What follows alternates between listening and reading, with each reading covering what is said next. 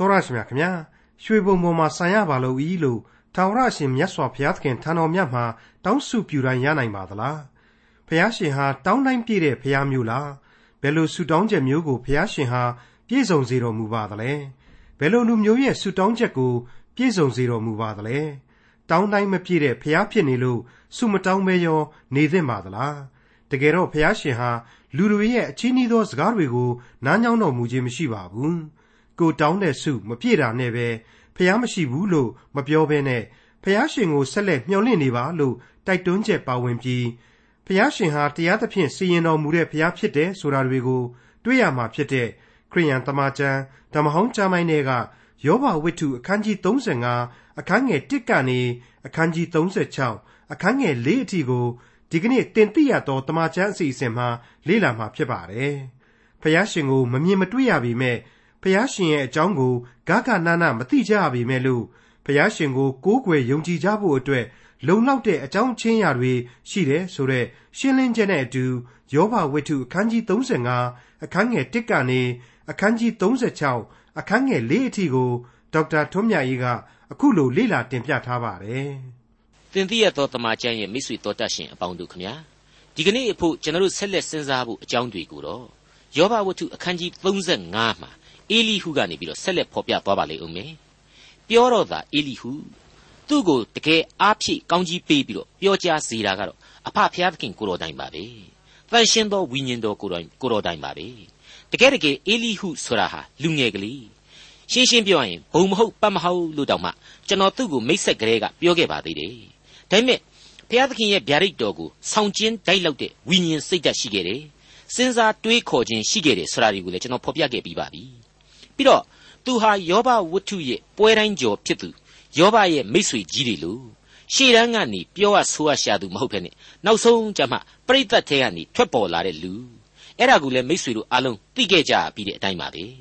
ဘာပဲပြောပြောဝိညာဉ်ခွန်အားနဲ့ပြောတဲ့သူဟာနောက်ဆုံးပိတ်မှာအိတ်နဲ့လွယ်တယ်လို့ပြောရလောက်အောင်အလွန်ကောင်းမွန်တဲ့ဝိညာဉ်ရေးသင်ခန်းစာများကိုကျွန်တော်တို့အတွက်ဖော်ပြနိုင်ကြောင်းကိုကျွန်တော်တို့တွေ့ရပါပြီ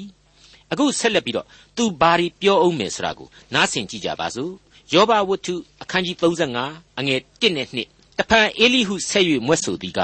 ငါသည်ဘုရားသခင်တည်းသာ၍ဖြောက်မှတ်၏ဟုသင်ပြောသောစကားသည်မှန်သည်ထင်သလောယောဘကြီးတယောက်ကကိုကိုကိုဖြောက်မှတ်တယ်ကြီးပဲဇွတ်ပြောနေတော့သူ့ကိုဒုက္ခဝေဒနာတွေခံစားစေ အခက်အခဲတွေကြုံစေဆိုပြီးတော့မိစိမ့်ပြလိုက်သူဘုရားသခင်ကပဲမဖြောင့်မတ်သလိုလိုပါလိုလိုဖြစ်စေတယ်ဆိုတာကိုအေလိဟုကဒီနေရာမှာမိမောင်းထုတ်ပြလိုက်တာပါဥယောဘခမညာခမညာကြီးအဲ့ဒီလိုရှောက်ရှောက်ပြောနေတာဒီဟာပြောတဲ့နဲ့ထင်ပါသလားယောဘဝတ္ထုအခန်းကြီး35အငယ်3မှ6ဒုစရိုက်ကိုမပြုတ်ဘဲနေလျင်အဘယ်ကျေးဇူးရှိသနည်းဟုဆိုလို၏သင်နှင့်သင်၏အပေါင်းအဖော်တို့စကားကိုငါချေပါမည် မိုးကောင်းကင်ကိုမျှော်၍တင့်တဲ့မြင့်သောမိုးတိမ်တို့ကိုကြည့်ရှုလော့သင်သည်ဒုစရိုက်ကိုပြုတော်လေဖျားသခင်ကိုအဘယ်သို့ထိခိုက်နိုင်သနည်းပြစ်မှားသောအပြစ်များတော်လေအကျိုးတော်ကိုအဘယ်သို့ဖျက်နိုင်သနည်းလူတရုတ်ရဲ့ဟာသပုံစံတစ်ကွက်ပဲလို့ကျွန်တော်ဆိုချင်ပါတယ်ဗမာဆိုရိုးစကားတစ်ခုမှာနေရန်ကြီးကိုခေါင်းနဲ့မတိုက်နဲ့လို့ဆိုထားပါတယ်အဲ့ဒါဟာတကယ်တော့လူကိုယ်တိုင်ကတီခြင်းရင်တီပြီးတော့ ဖြိုခြင်းရင်ဖြိုနိုင်တဲ့နေရန်ကိုပြောတာပဲရှိပါသေးတယ်လူတွေကြားတဲ့ကလူတွေလုတ်တဲ့နေရန်ကိုပြောရုံပဲရှိသေးတယ်ဖျားသခင်ဆိုတဲ့စัจ java လာရဲ့အနန္တရဲ့သခင်ကိုတော့ခေါင်းနဲ့တိုက်ဖို့ဆိုတာအသာထားမျက်လုံးကလေးနဲ့တောင်မှမျက်ခမ်းထော်ပြီးမကြည့်ရဘူးကိုယ်ပဲဒုက္ခရောက်သွားလိမ့်မယ်ဆိုတာကိုအေလိဟုကဒီနေရာမှာပြင်းပြင်းထန်ထန်သတိပေးလိုက်တာပါယောဘဝတ္ထုအခန်းကြီး35အငယ်9မှ10သင်သည်ဖြောက်မတ်တော်လဲဖျားသခင်အကျိုးတော်ကိုအဘယ်သို့ပြုစုနိုင်သနည်း သင်လက်မှအဘယ်ကျေးဇူးကိုခံတော်မူမည်နည်းသင်ပြုသောဒုစရိုက်သည်သင်နှင့်တူသောလူတ attva ကိုသာထိခိုက်နိုင်၏သင်ပြုသောသူစရိုက်သည်လေလူသားတို့၌သာကျေးဇူးပြုနိုင်၏တရားကြဖို့အလွန်ကောင်းပါလေ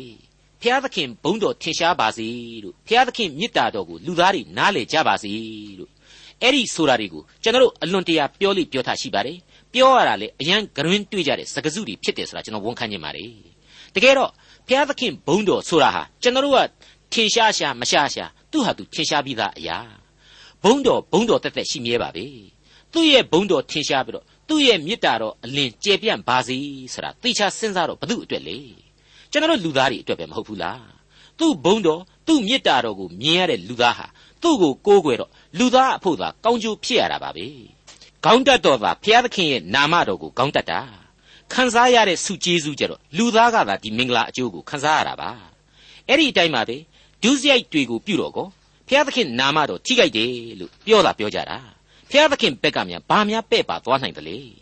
ပဲ့ပါသွားနိုင်တာကတော့ကို့ဘဝသားချင်းဖြစ်ပါလေအဲ့ဒါကိုအခုအေလိဟုကအာလုံးပေါင်းယုံပြီးတော့လူသားတွေမျက်ခြေမပြတ်စေဘူးသတိပေးလိုက်ပါတယ်သင်ပြုသောဒုစရိုက်သည်သင်နှင့်တူသောလူတ attva ကိုသာထိခိုက်နိုင်၏တဲ့ပြီးတော့မှတခါဆက်ပြီးပြောလိုက်ပြန်တယ် သင်ပြုသောသူစရိုက်သည်လေလူသားတို့၌သာကျေးဇူးပြုနိုင်၏တဲ့ရှင်းနေပါတယ်ဟုတ်မဟုတ်ဒီအကြောင်းတွေကိုသမိုင်းကြောင်းတစ်လျှောက်ပြန်ပြီးတော့စဉ်းစားကြည့်ပါအာဗြဟံရဲ့ဖျားသခင်ရဲ့စကားတော်ကိုနားမထောင်အီဂျစ်သူကလေးဟာဂရနဲ့လွန်ကျူးခဲ့မှုကြီးရဲ့အပြစ်ဟာဣရှမေလအမျိုးအာရဗ်နဲ့ဣဇက်အမျိုးဣသရေလတို့ရဲ့သမိုင်းတစ်လျှောက်လုံးမုန်းတီးမှုရံပွဲကြီးကိုတနွယ်ငင်ဒဇင်ဘာဖြစ်စေခဲ့ပါတယ်။ဒါဝိဒ်ရှောလမုန်တို့ရဲ့အပြစ်ကို နှောင်းလူဣသရေလတို့ဟာကျွန်အဖြစ်ပြန်ပြီးတော့ပေးဆက်ရပါတယ်။နိုင်ငံတော်ကြီးမှာပါတောင်နဲ့မြောက်ကွဲပြားခြားနားမှုနတ်ကိုးကွယ်မှုတွေခေါင်းထောင်လာပြီးတဲ့နောက်ပိုင်းကျွန်ဘဝအထိရောက်သွားခဲ့ရတာဟာခေါင်းဆောင်ကြီးတို့ရဲ့အပြစ်ဒုစရိုက်ကြောင့်နောင်တခေတ်လူသားတို့၌သာထိခိုက်ရတယ်ဆိုတာကိုအခိုင်အမာကျွန်တော်တို့ပြန်ပြီးတွေ့ရပါတယ်။မြန်မာစကားတွေထဲမှာတစ်တပင်ကောင်းရင်ငှက်တစ်ပေါင်းနားနိုင်တယ်ဆိုတာရှိသလို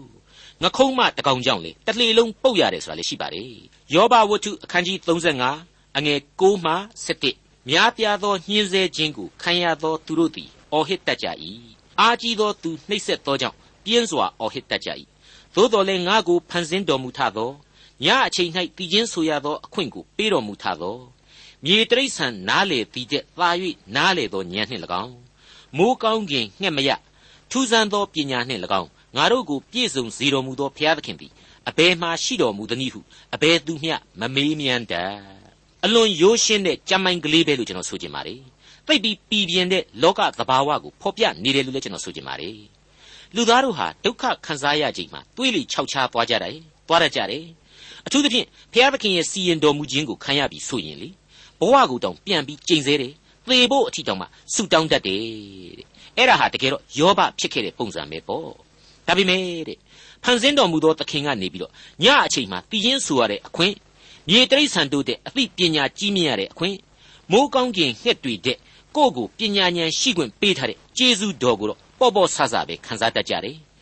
ဒီဖျားသခင်ကိုတော့ဘယ်မှာကျင်းဝတ်တော်မူတယ်ဆိုတာကိုတော့မှမရှာဖွေနိုင်ကြဘူးတဲ့တနည်းအားဖြင့်တော့လူသားတွေမာမာနတွေတက်ကြတဲ့ပုံကိုအေလိဟုပြောလိုက်တာပါပဲဒီတော့ဒီအချက်တွေဟာယောဘကိုအေလိဖတ်တို့ဆွဆွဲခဲ့တယ်လို့ဆွဆွဲနေတာလားလို့မေးရင်မဟုတ်ပါဘူးသဘောတဘာဝချင်းအလွန်ကွာခြားပါတ ယ်ယောဘဟာမူလအခြေအနေမှာဖြောက်မတ်စုံလင်ခဲ့သူဖြစ်တယ်အပြစ်ကင်းတယ်လို့လေယေဘူးယအဖြစ်ဆိုခြင်းဆိုလို့ရပါရပါလိမ့်မယ်ဘာပဲဖြစ်ဖြစ်ကိုကိုကိုမာမာနတက်တက်နဲ့ကိုကောင်းကြီးပဲလုပ်တော့ကိုကောင်းတယ်ကြီးပဲတစ်ချိန်လုံးပြောနေတော့ဘုရားသခင်ဟာမကောင်းဘူးဆိုတဲ့ဆွဆွဲခြင်းအဖြစ်အပြစ်သင့်သွားခဲ့ရတယ်ဘုရားသခင်ကိုဆန့်ကျင်တဲ့စည်ရင်ထဲမှာအလိုအလျောက်ပါသွားခဲ့ရတယ်ဆိုတာကိုအေလိဟုကဖော်ပြခဲ့ပြီးပြီမလို့ဂျေဇုကန်းတဲ့လူတစ်ယောက်အဆင့်မှာ အလိုလိုရောက်ရှိနေပြီဆိုတာကိုယောဘသတိတရားရဖို့ထပ်မံသိစေအောင်အေလိဟုပြောလိုက်ခြင်းပဲဖြစ်ပါတယ်ယောဘဝတ္ထုအခန်းကြီး35အငယ်7ထို့ကြောင့်အတ္တမလူထောင်လွှားစော်ကားခြင်းကိုခံရ၍အော်ဟစ်တော်လေဖျားသခင်သည်ထူတော်မမူအတ္တမလူဆိုတာဟာတရားပြက်သွားတဲ့လူရဲ့သဘောပါပဲအဲ့ဒီလိုတရားပြက်သွားပြီဆိုကြတဲ့ခံစားရဒုက္ခတို့ကိုကိုကအထက်စီးကနေပြီးတော့တည်ကြည်စွာမခံယူနိုင်တော့ဘူးစရိတ္တဘိုင်းမှာပါကြိုးကြသွားတယ် ကိုရီကိုသွေးတွေပါရှောက်ပြီးတော့နှိမ့်ကြသွားတယ်ရိုင်းရိုင်းပြောရမယ်ဆိုရင်တော့အမိကုတ်သွားတယ်ဆိုပါတော့အသရေတွေအကြီးအကျယ်ယော့သွားတယ်သေးနှုတ်သွားတယ်ဘာဖြစ်လို့လဲဆိုရင်ဘုရားသခင်ဟာသူ့ကိုလှဲ့မကြည့်တော့လို့ပဲဒါကြောင့်မို့လေအေလိဟုဟာယောဘကိုဝိညာဉ်တော်အမိန့်နဲ့ဘယ်လိုပြောခဲ့သလဲအခန်းကြီး34အငယ်36မှာတော့ပါခဲ့ပြီးပါပြီယောဘသည်မတရားသောသူကဲ့သို့ပြန်ပြောတတ်သောကြောင့်အဆုံးတိုင်အောင်စုံစမ်းခြင်းငှာသာငါအလိုရှိ၏တဲ့ဒါဟာငရဲအထိဆွဲချသွားတဲ့သဘောမဟုတ်ပါဘူး ဆိုးရွားဖို့မဟုတ်ဘဲနဲ့ကောင်းဖို့ပဲကိုရီကိုသွေးတွေအကုန်နှိမ့်ကျသွားပြီးတော့အဖတ်ဆယ်လို့မရအောင်ဖွတ်ဖွတ်ညံ့ညံ့ကြေသွားရာကနေဝတ်သွားအောင်လုပ်ဖို့လိုတယ်တဲ့အဲ့ဒီသဘောပဲဖြစ်ပါတယ်တနည်းဆိုရင်တော့ကိုယ့်ဖာသာကိုမမွေးနိုင်တဲ့နောင်တနဲ့ကျိုးပဲ့ကြေမွသောစိတ်ဓာတ်တို့ကိုအတင်းညှစ်ပြီးတော့ထုတ်မယ်ဆိုတဲ့သဘောပဲအငယ်73အကယ်စင်စစ်ဘုရားသခင်သည်အချီးနှီးသောစကားကိုနားထောင်တော်မမူအနန္တတကုရှင်သည်ထိုသို့သောစကားကိုမမှတ်ဖဲနေတော်မူ၏ကျွန်တော်မငင်းနိုင်ပါဘူး ငယ်တန်းပါအောင်ယောဘဩခဲ့ပါတယ်ဘဖျားသခင်ကိုကြောင်ကရမ်းနဲ့ကျွန်တော်မျိုးကြီးသေရရစီတောင်မှတောင်းခဲ့တယ်လို့ဆူတောင်းခဲ့တယ်လို့ငကိုအတိုင်းပြန်ပြီးတော့ရွှေပုံပေါ်မှာဆန်ရပါစီလူဤဆိုပြီးတော့လေအစွန်းရောက်ဆန္ဒကြီးတွေပြုခဲ့ပါသေးတယ်ဖျားသခင်ပေးပါသလားမပေးပါဘူးသူ့ကိုပေလျက်ကံလှုပ်ထားပါတယ်ဒါဟာထားတဲ့လို့ထားခြင်းဖြစ်ပါတယ်ထားလိုက်လို့ထားခြင်းဖြစ်ပါတယ်ပြောခဲ့တယ်လို့ပေါ့သူ့ကိုအတင်းနောင်တရစေမယ်အတင်းကြိုးပဲ့ကြေမွသောခံစားချက်တွေဖြစ်စီမယ် သူ့ဖာသာသူမမွေးမြူနိုင်တဲ့အဲ့ဒီနှိမ့်ချခြင်းစိတ်ဓာတ်တွေကိုညှစ်ထုတ်ယူရပါတော့မယ်ယောဘရဲ့မာမာနတွေရဲ့ပြစ်မှားခြင်းတွေရဲ့တရားမဲ့ခြင်းတွေရဲ့နဲ့ရှင်တွဲကြည့်ရင်ဒါဟာကျေးဇူးတော်ပဲဖြစ်နေပြီဆိုတာရှင်းမနေဘူးလားယောဘဝတ္ထုအခန်းကြီး35အငယ်14ဖျားသခင်ကိုမတွေ့မမြင်ရဟုသင်ဆိုတော်လေတရားသဖြင့်စီရင်တော်မူသောကြောင့်မျော်လင့်လျက်နေလောတဲ့ကဲမထူးဆန်းလွန်မူလားခံစားရဒုက္ခတွေ ခံစားရသောကဝေဒနာတွေဖြစ်စည်းမှုတွေကြားထဲမှာဟန်ဆောင်မှုကလေးနဲ့တောင်မှလေမဲမတင်နိုင်ပဲပြစ်မှားခြင်းအပြစ်ဖြစ်သွားခဲ့ရတယ်။ဘုရားသခင်ကလည်းတမင်သက်သက်ပေလျကန်တောင်ထားတယ်လို့ကျွန်တော်ကပြောခဲ့ပြီးပြီ။ဟုတ်တယ်။ယောဘကိုယ်တိုင်ကလည်းဘုရားသခင်ကိုမမြင်နိုင်တော့ပါကလားဆိုပြီးတော့အမှောင်ကွယ်ခဲ့ပြီလေ။အဲ့ဒီလောက်အထိဆိုးရွားနေတဲ့အခြေအနေမှာအေလိဟုထူးထူးဆန်းဆန်းကြီးထည့်ပြောလိုက်တာကတော့ဘုရားသခင်သည်တရားသဖြင့်စီရင်တော်မူသောကြောင့်မျှော်လင့်လျက်နေလောတဲ့။ယောဘဝတ္ထုအခန်းကြီး35 အငယ်15နဲ့16ယခုမူကားအမျက်ထွက်၍ဆုံးမတော်မမူသောကြောင့်ယောဘသည်အချီးနှီးသောစကားကိုမွဲ့ဆိုတတ်၏ပညာမရှိဘဲများစွာပြောတတ်သည်ဟုမွဲ့ဆို၏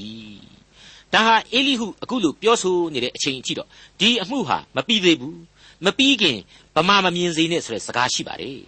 အဆုံးသတ်အတွက်ခမည်းမျောလင့်လျက်နေလောဆိုတဲ့အချက်အားဖြင့်တော့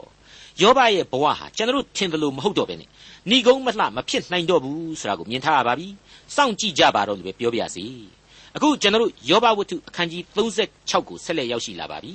ဒီအခန်းကြီး36မှာတော့အေလိဟုဟာဘုရားသခင်ဘက်ကနေယက်တီးပြီးတော့ယောဘရဲ့မှားယွင်းချက်တွေကိုဆက်လက်ဖော်ထုတ်ပြသသွားပါလေဦးမယ်အငယ်1နဲ့2ရဲ့အဆိုကိုကြည့်ကြပါ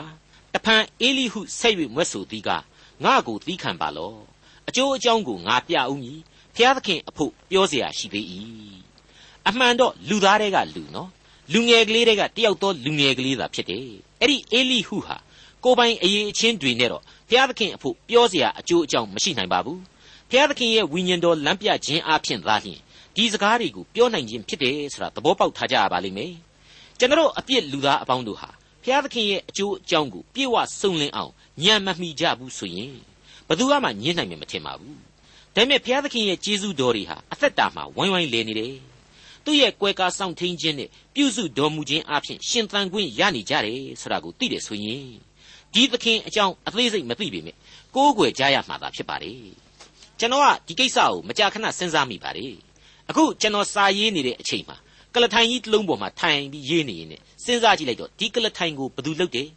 ဘယ်ဆိုင်ကဝယ်တယ်ဘယ်လိုတစ်သားနဲ့လုပ်ပြီးတော့ဘာပစ္စည်းတွေဒီကလထိုင်မှာပါဝင်တယ်ဆိုတာတွေကိုကျွန်တော်မသိဘူး ဘာပဲပြောပြောဒီကလထိုင်ကြီးဟာထိုင်လို့သိကောင်းတဲ့အတွက်ကြောင့်ကိုနှစ်ပေါင်းများစွာထိုင်ပြီးရေးခဲ့တယ်ဆိုတာကိုတော့ကိုသိတယ်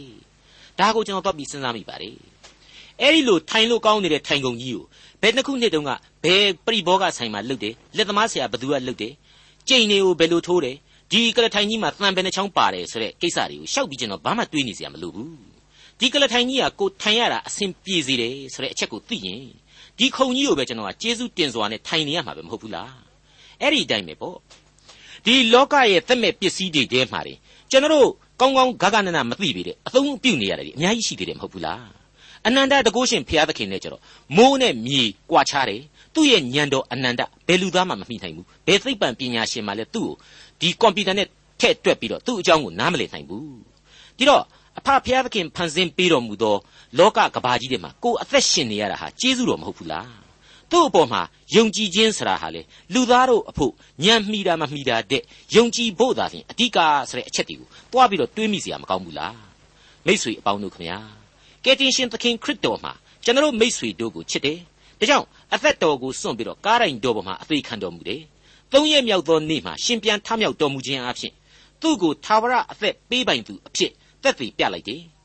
ဒါတွေကိုမိမိဆိုတဲ့အပြစ်သားလူသားတယောက်အနေနဲ့ အဓိကဘဝရဲ့လိုအပ်ချက်ကြီးနဲ့ပူးတွဲဆင်ခြင်ပြီးတော့သစ္စာတရားအဖြစ်ခံယူလိုက်ပြီဆိုရင်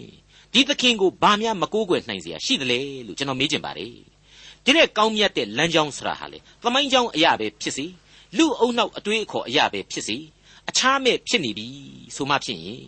ဒီကယ်တင်ရှင်တရားဟာကိုယ့်ရဲ့ဆောင်ယူရန်တရားဖြစ်ပြီမဟုတ်လို့ရဲဝံ့စွာလက်ခံဖို့သာရှိတယ်လို့ကျွန်တော်ဆိုချင်ပါတယ်အဲ့ဒီယုံကြည်ခြင်းဖြစ်ပေါ်လာပြီး ကယ်တင်ရှင်ကိုသာကိုယ့်ရဲ့ဘဝသခင်အဖြစ်ခံယူပြီးဆိုတာနဲ့ကိုမသိတဲ့ဝိညာဉ်အလင်းတန်းတွေဟာအလိုလိုပေါ်ထွန်းလာရပါလိမ့်မယ်လူသားတို့သဘာဝဖြစ်လေဖြစ်ထရှိတဲ့ဖြစ်လေဖြစ်ထရှိတဲ့မကြေလည်မှုကလေးတွေဟာတဖြည်းဖြည်းချင်းကွာကျသွားရလိမ့်မယ်တန်တရားတန်တရားဟာလေကယ်တင်ရှင်ရဲ့ဂျေဇုဂရုနာတော်များအောက်မှာတရွေ့ရွေ့ရပ်တန့်သွားရလိမ့်မယ်လို့ကျွန်တော်ဆိုချင်ပါတယ်လူသားတွေရဲ့မာနမိုးတိမ်တွေဟာအဲ့ဒီနီးအဖြစ်တရွေ့ရွေ့ကွယ်ပြောက်သွားမှာပေါ့ အခုကျွန်တော်လေးလာမိခဲ့တဲ့အတိုင်းလေးလာမိထားတဲ့အတိုင်းဆိုရင်လူသားတို့ဟာအကုန်လုံးသိပ်ပံနီးကြမှာကြိုက်ကြတယ်လက်တွေ့ကြကြသိရှိထိတွေ့ရမှာသာလက်ခံမယ်ယုံမယ်ဆိုတဲ့မာမာနအစွဲအလန်းလေးတွေကိုအလွန်အလွန်ဦးစားပေးတတ်ကြတယ်ဆိုတာကျွန်တော်သတိပြုမိပါတယ်တနည်းအားဖြင့်တော့လူတိုင်းလူတိုင်းတို့ဟာမိမိတို့ရဲ့စိတ်ထဲမှာတန်တရားစိတ်ရဲ့ဥဆောင်မှုတွေခံနေတတ်ပါတယ်အဲ့ဒီလိုဇဝေဇဝါဖြစ်မှုတွေဟာခိုင်ခိုင်မာမာကိုသိရှိယုံကြည်ထားတဲ့အချက်တွေကိုပါတရွေ့ရွေ့ပြက်ပြယ်စေတဲ့အခါမှာကြတော့ အလွန်အလွန်ကြီးမားတဲ့နောက်ဆက်တွဲအမှန်တရားတွေကိုပါလက်လွတ်ဆုံးရှုံးသွားကြရစမြဲဖြစ်တယ်လို့ကျွန်တော်မြင်မိပါတယ်အဲ့ဒီလိုလူသားတို့ရဲ့သိပ္ပံနိကြမှာယုံမယ်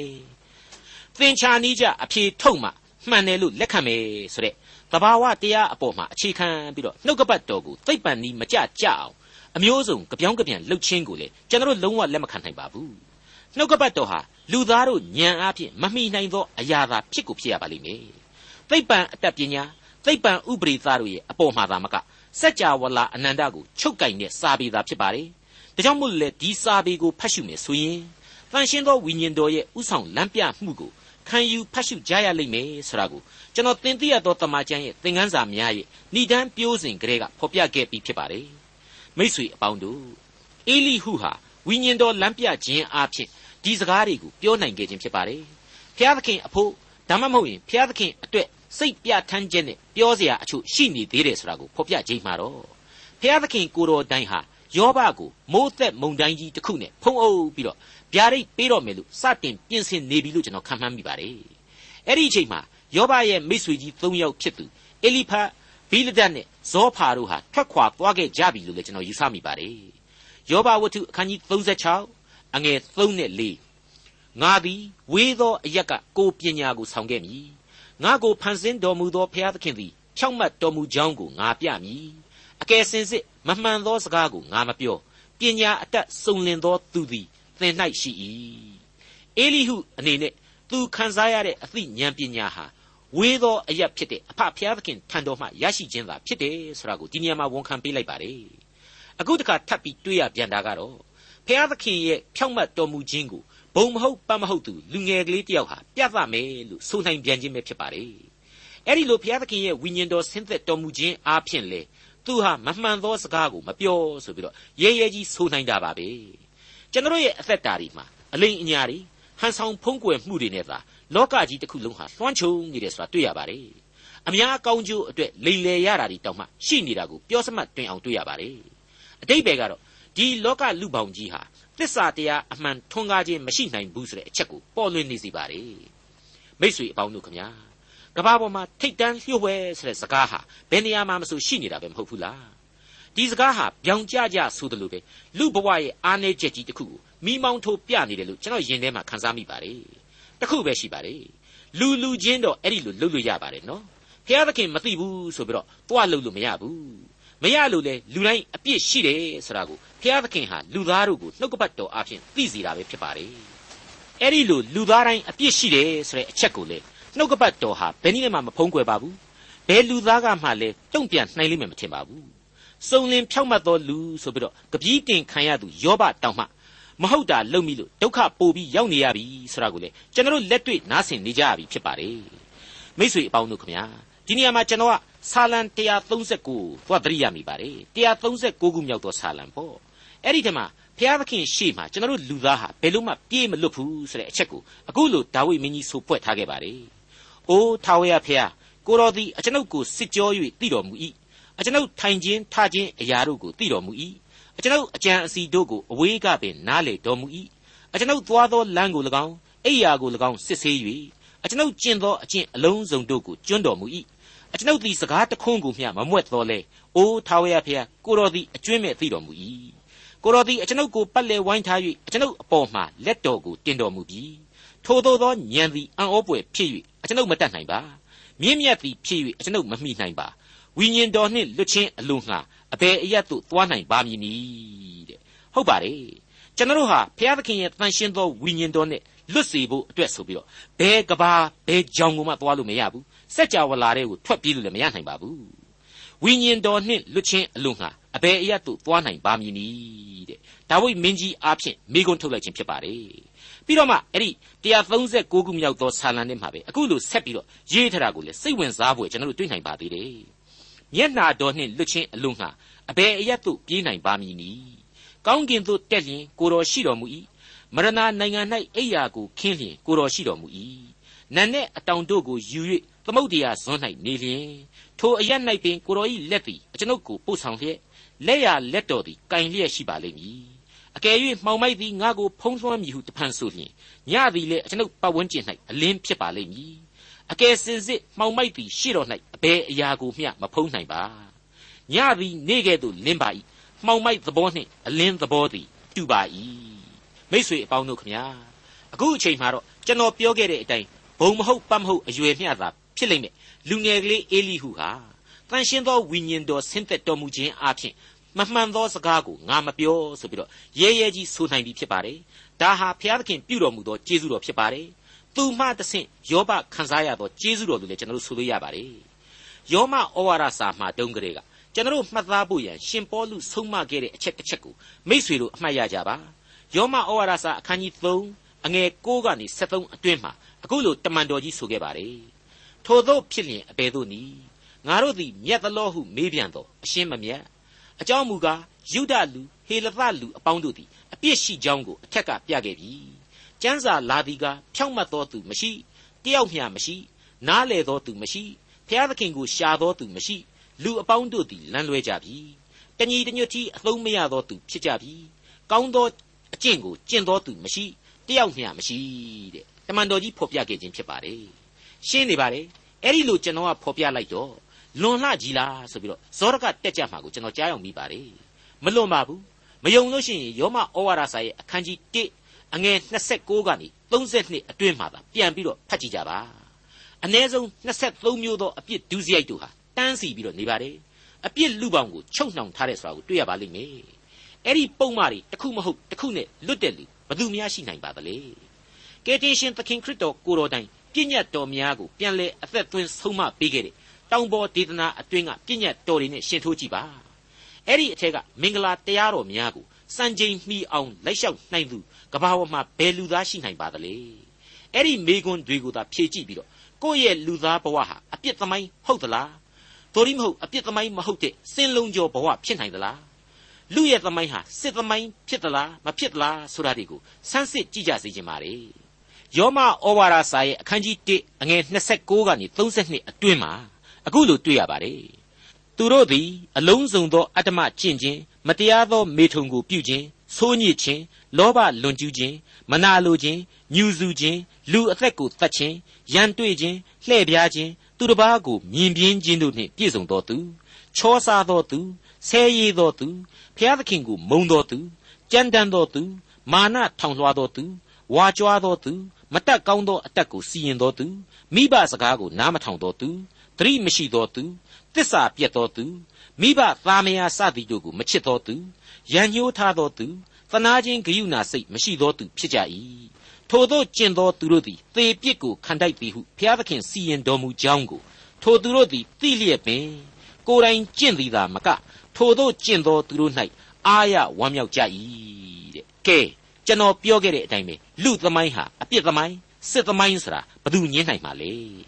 မိษွေတော်တတ်ရှင်အပေါင်းတို့ခမညာနှုတ်ကပတ်တရားတော်အရာလူတ attva မှန်သမျှကိုခန်းစားရလောကရန်သိခြင်းဆိုတာဒီပင်ဖြင့်ဖျားသခင်ဟာအပြစ်တရားရဲ့အဖို့အခအဖြစ်စီရင်ခဲ့ခြင်းဟုတ်မဟုတ်ဆိုတာကိုပါတပါးတည်းတွေးဆကြည့်ကြပါလို့အထူးတင်ပြမေတ္တာရက်ခံခြင်းပါတယ်အဲ့ဒီအချက်တွေအားလုံးကိုအနုလုံပရိလုံသုံးသပ်ဝေဖန်အဖြေမှန်ကိုရယူပြီးတဲ့နောက်လူသားအားလုံးတို့ဟာ fallen nature သို့မဟုတ်ကြဆုံးနေသောတဘာဝရဲ့သားကောင်များသာဖြစ်တယ်ဆိုတဲ့အဆိုကိုကျွန်တော်တင်သွင်းလိုပါတယ်တစ်ချိန်တည်းမှာပဲအဲ့ဒီပျက်စီးဆုံးရှုံးခြင်းသို့မဟုတ်အပြက်လန်းကိုကြော်လွန်ပြီးတဲ့နောက်ထာဝရအသက်ဒီဟုသောကယ်တင်ရှင်ကျေးဇူးတော်ဆိုတာကိုလေကျွန်တော်လူသားဟာထိုက်တန်စွာခံစားနိုင်တဲ့လူသက်တော်များဖြစ်ပါကြောင်းလေးစားစွာတင်ပြလိုက်ရပါတယ်ဒေါက်တာထွန်းမြတ်ရေးစီစဉ်တင်ဆက်တဲ့တင်ပြရတော်တမချန်းအစီအစဉ်ဖြစ်ပါတယ်နောက်ချိန်အစီအစဉ်မှာခရိယန်တမချန်း ဓမ္မဟောင်းကျမ်းပိုင်းတွေကယောဘဝတ္ထုအခန်းကြီး36အခန်းငယ်9ကနေအခန်းကြီး39အခန်းငယ်24အထိကို လေ့လာမှာဖြစ်တဲ့အတွက်စောင့်မျှော်နားဆင်နိုင်ပါတယ်။